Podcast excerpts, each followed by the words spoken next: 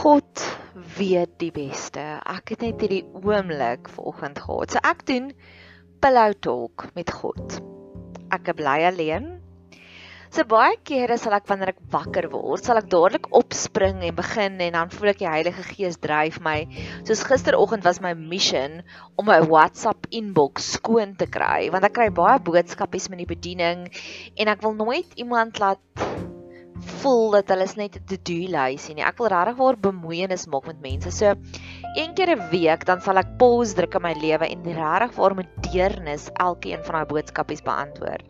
So gisteroggend was dit my roeping. Word wakker, dadelik kom die boodskappe net so alle eer aan die Here en ek sit en ek antwoord al die voice nou soveel sodat teen 1:00 die middag is my batter my foon se battery op 21%. Want ek het hom so oorgebruik vir 'n bedieningsapparaat. Maar vanoggend het ek wakker geword en ek het gedink ek weet ek wil potgoeie maak vandag want ek want wat ek wou sê is gister wou ek wou ek gevoel het hoe voel dit om 'n skoon WhatsApp inbox te hê. En gister later in die middag het een van my gunsteling mense in die wêreld het sy vir my 'n lang voice note gestuur en toe sê ek vir oh, so dis so dit voel. Ek het daar ek wil dadelik op jou antwoord want daar was nie 'n bietjie skuldgevoelens van dalk moet jy eers antwoord op die ouer voice notes nie. Ek het hierdie vryheid gehad en ek geniet hierdie vryheid. So dit voel so lekker. Dis iets wat ek nou weekliks gaan implementeer in my lewenstyl. Maar vir oggend het ek wakker geword en ek het geweet ek want my volgende hoe ek dit wil voel. Ek sien my lewe as 'n string eksperiment. Ek wil voel hoe voel dit. Ek wil voel hoe voel dit. Ek wil voel hoe voel dit. En um, ek love dit. Net om daarin te gaan sit. Soos hoe voel 'n vol liefdesdenk? 'n Voel vol liefdesdenk voel jy kan Mount Everest 3 keer in 'n ry uitklim. Nee, en ek love daai gevoel. So ek doen baie moeite om seker te maak my liefdesdenkie is vol. Okay, maar meer oor die eksperimente later. So vandag of af, eintlik vir die afgelope 2 weke wil ek vir myself sê ek wil voel hoe voel dit om 'n maand vooruit se 'n podcast te doen. En dis my missie vir vandag. Maar ek het opgestaan en gewoonlik wag ek so uur, uur en 'n half voordat ek begin met pot gooi, pot gooi maak, want ek wil hê ek moet lekker wakker wees. Ek wil nie nog met 'n slaperige stem met jou praat nie. Ek wil hê dit moet 'n wakker stem wees, 'n klaar gestort, klaar gestap, klaar gekoffie stem. Ek wil nie jou bedien met 'n hoe daai stem nie. So ek was op vanoggend en ek dink ek, "Ag, oh, ek kan seker nog 'n rukkie in die bed gaan lê." En dan noem ek dit dis my pillow talk met God. Wat ek vir God sê, Here, nou wil ek nie na U toe kom met hierdie lang to-do lysies van doen dit vir my of doen dit vir my nie. Nee. Ek wil oop wees. Kom praat U nou met my. En hy het vir my gewys van 'n verandering wat hy wel gedoen het in my lewe. En ek is besig met 'n hele paar intense gebeds veldtogte wat ek vir myself uitdink, o, dis hoe dit moet wees. Ek bid vir een van my familielede en ek bid dat die persoon tot inkering sal kom en ek het hierdie prentjie in my kop van dis hoe inkering sal lyk. Maar dalk gaan dit nie so wees nie. En die Here het vir my rustig dit kom uitwys. En dit is so 'n komplekse storie. Natuurlik moet dit omgedraai word in 'n pot gooi, want ek wil vir die Here sê dankie. En nou gaan ek 'n nuwe verwysingspunt hê om te sê Here, hierdie is weer eens soos die Bonalanga Leeufontein getuienis. Gisteraand het ek by my landlords gaan sit en kuier heel spontaan want daar twee baie snaakse dinge in my lewe gebeur en ek wou dit net met hulle deel nê? Nee, baie oulike snaakse dinge. So daar gaan weer 'n pot gooi daar gemaak word oor jou joy en jou joy skat waar ek die storie gaan vertel. En ons het op hulle op hulle stoepie gesit en ons het lekker wyntjie gedrink en ver oggend toe ek wakker word dink ek vir myself hoe geseënd is ek Want die paartjie, beide die man en die vrou, is verskriklike intelligente, emosionele mense. So min mense kan met my filosofiese gesprekke voer want die dinge wat my tikkel, tikkel meeste mense nie. En ons het verskriklike diep gesprekke gevoer wat my liefdesdentjie weer super vol gemaak het. En ek dink vir myself, hoe geseënd is ek om hierdie lewenstyl te hê. Om hier tydens grendelgreep, tydens die inperking het ek gereeld by hulle gekuier want ek voel ons bly in een huis. En elke gesprek laat al die kersies liggies in my gedagtes opgaan want dit is diep intense gesprekke. En dan word iets gegoogel en dan praat ons oor die brein en dan praat ons oor die prefrontale konteks. Dan praat ons oor liefde van 2 jariges en dat daai liefde nooit kan terugdraai nie, maar dit was so 'n geseënde gesprek en daar's min mense in hierdie wêreld met wie ek daardie tipe van gesprekke kan hê en hulle gee altyd vir my fliek voorstelle en elke fliek wat ek al gekyk het van hulle is net soos wow. So dis my beloning aan die einde van ek moet 7 podcasts maak vandag om 'n maand vooruit te wees. So my beloning gaan wees oor een of ander Ethiopiese refugee vlugtinge wat hulle vir my van vertel het. En vir 2 weke terug was dit my octopus teacher. En vanoggend lê ek in die bed en ek dink net Here, hoe geseënd is ek om hierdie bure te hê en hulle is net soos next level. Hulle is presies Nadia tipe van mense. En ek dink dieper en ek dink hoe het ek hier opgeëindig? En dis dis die storie wat ek wil vertel van dit was die opbou tot dit. Jare laat, jare terug, 8 jaar terug het ek uitgeklim uit 'n mishandelende verhouding uit, uit 'n abusive verhouding uit en ek het so ver as moontlik van die persoon af probeer wegtrek om fisiese kilometers tussen my en hom te plaas om heeltemal uit sy omgewing uit weg te trek. En ek het gaan bly in die moed, in die pragtige moed. En dit was hierdie tyd van die jaar en dit was daar waar ek regtig begin verlief raak het op hierdie tyd van die jaar, dis Oktober nou, want dis Jacaranda tyd. En nou jare later sal ek besef dat dit is nie net Jacaranda tyd nie, dis Amarilla tyd ook. En ek het sou gereeld sekere strate in die moed gaan ry het om net die Jacarandas op te stou. My siel het gehinker na daardie skoonheid. En ek sou keer op keer hierdie stukkie in Judas terugquote aan God aan hom nou wat magtig is om julle van struikeling te bewaar en julle sonder gebrek voor sy heerlikheid te stel met gejuig.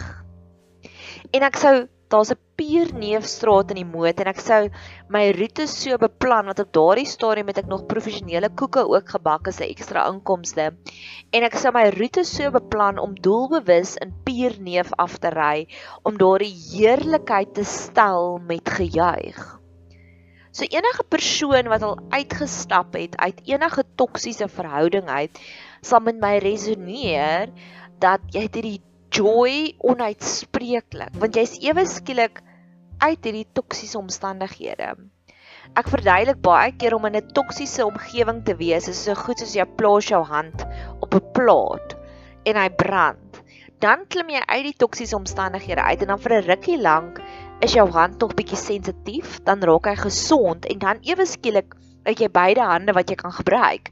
En jy sit soos overjoyed, soos ja, die hand is nie meer seer nie, die hand kry nie meer seer nie en jy het hierdie blydskap wat onuitspreeklik is. So ek het vir 6 maande lank in die moed gebly en jacaranda bome opgesouk op daardie stadium, maar my huis, my ondersteuningsraamwerk, my vriendinne was nie in die moed nie. Hulle was almal hier in die omgewing waar ek nou bly, in die Kameelfontein omgewing. En so het ek op 'n stadium 'n stoktyk gemaak van my lewe en besef dit help nie ek het 'n duet in die moed, maar ek is elke naweek hier in Maplotterland nie. En ek het begin bid, Here, ek wil terugtrek hierheen. My my siel hinker na die rustigheid van die bos. Want terwyl die moed baie mooi was en ek het verskriklik baie antique shopping gedoen, was ek baie eensaam. En ek het verlang en in die aande het ek gaan slaap in die moed en ek het sirenes gehoor en dan oor naweke sou ek hier kom bly by vriendinne in die bos en dan hoor ek tarantale of jakkalse. En ek het gevoel dis waar ek hoort. En ek het twee dinge vir die Here gebid. Ek het gebid, Here, indien ek sou terugtrek, beskerm my dat ek nooit in die persoon vasloop per ongeluk in die spar nie want ons het een klein sparretjie ons het een volstasie dis baie platte lands hiersom en die Here het my nou soos 8 jaar later so al intens beskerm. Ek sien hom uit nooit nie en hy bly seker 2 kg van my af. En ja, so dit was my eerste gebed en my tweede gebed was op daardie stadium.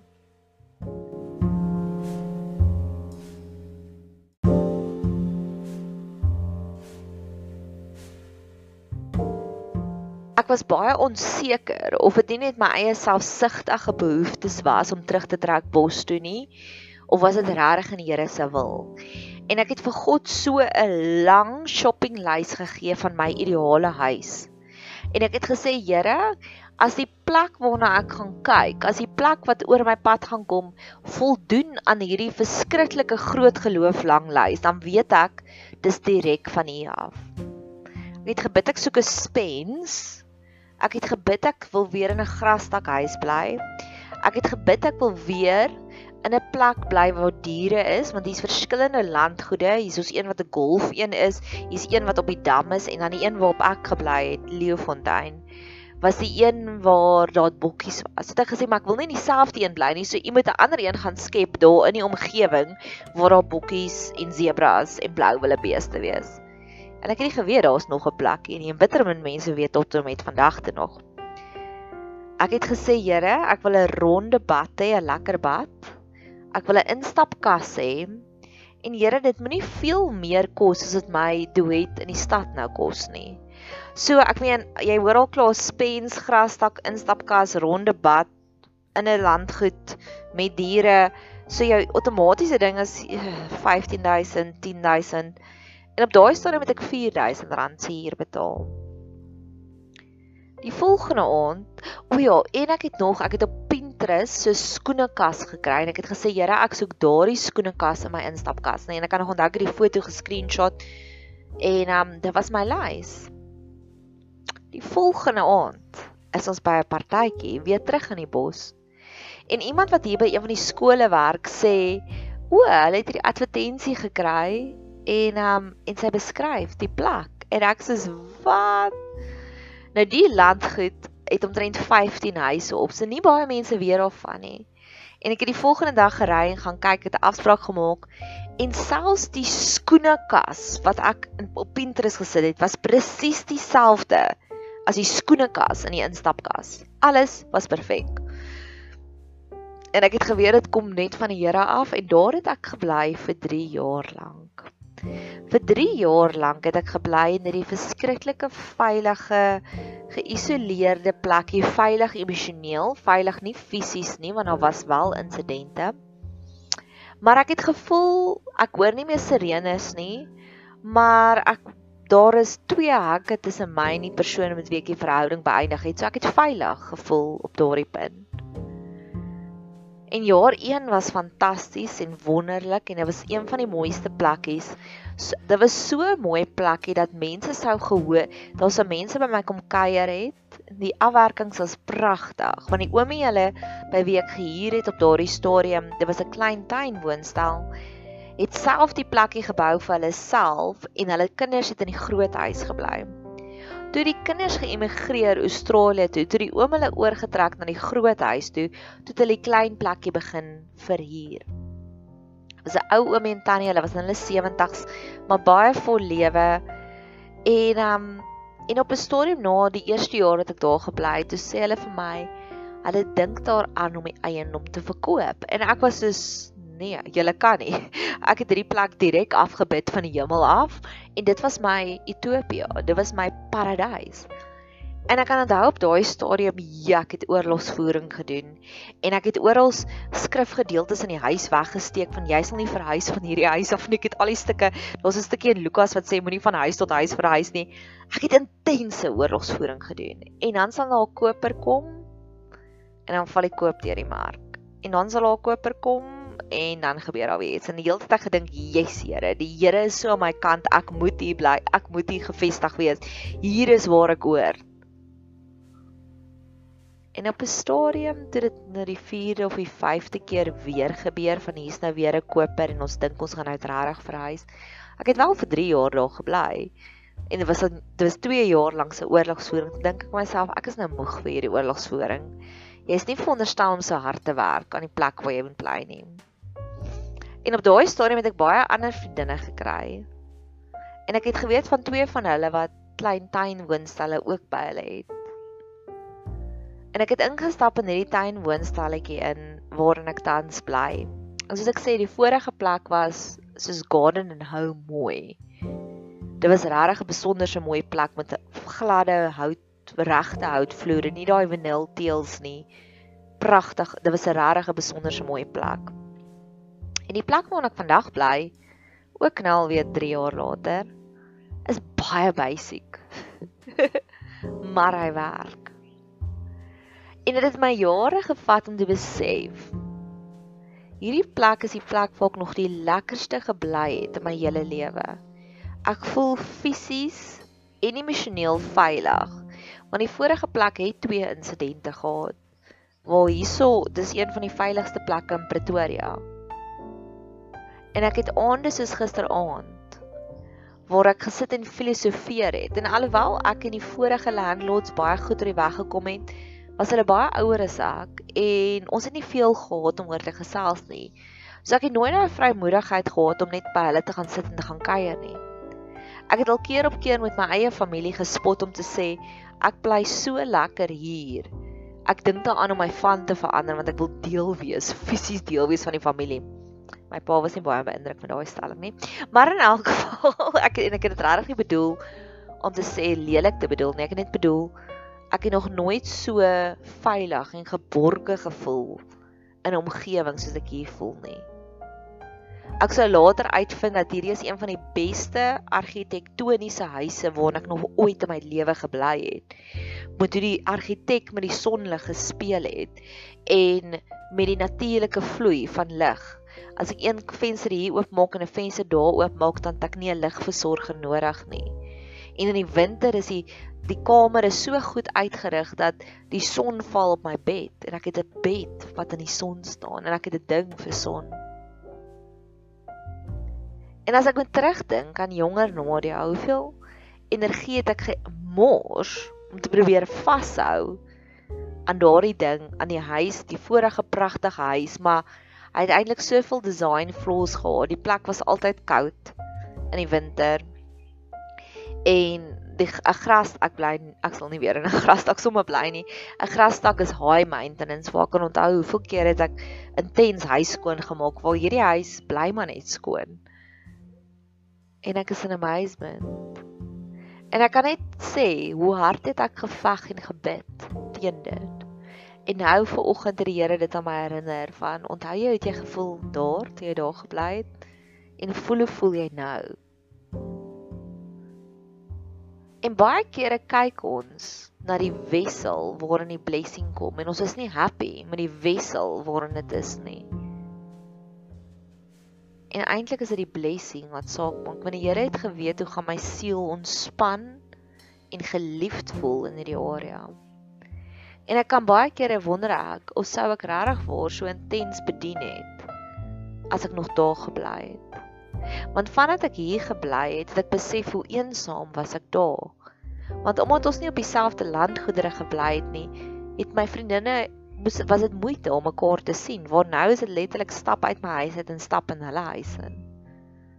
Ek kan aanhoudende lofliedere net sing van die Here weet beter op die einde van die dag.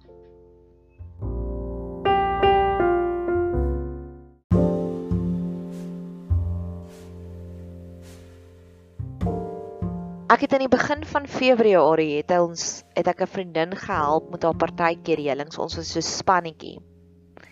En aan die einde na dit alles afgehandel is, het sy vir ons elkeen 'n spakboompie in 'n baie mooi boomstomp gegee wat geplant is in 'n boomstomp.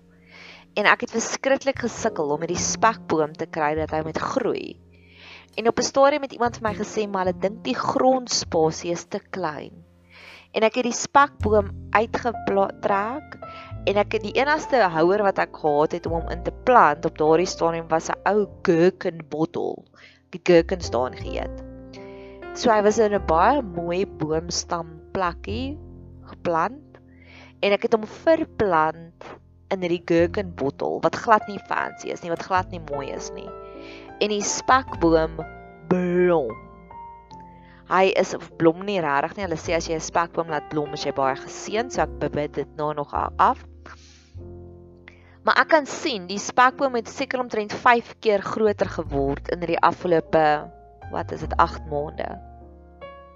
En baie keer voel ons ons is baie veilig in hierdie boomstammetjie, maar God het groter planne vir ons.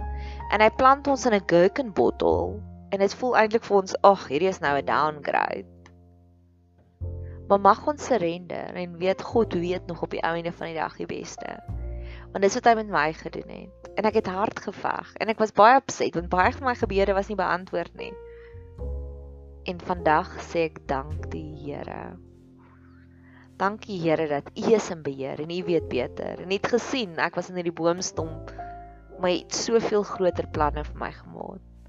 Mag jy 'n super geseënde dag hê verder.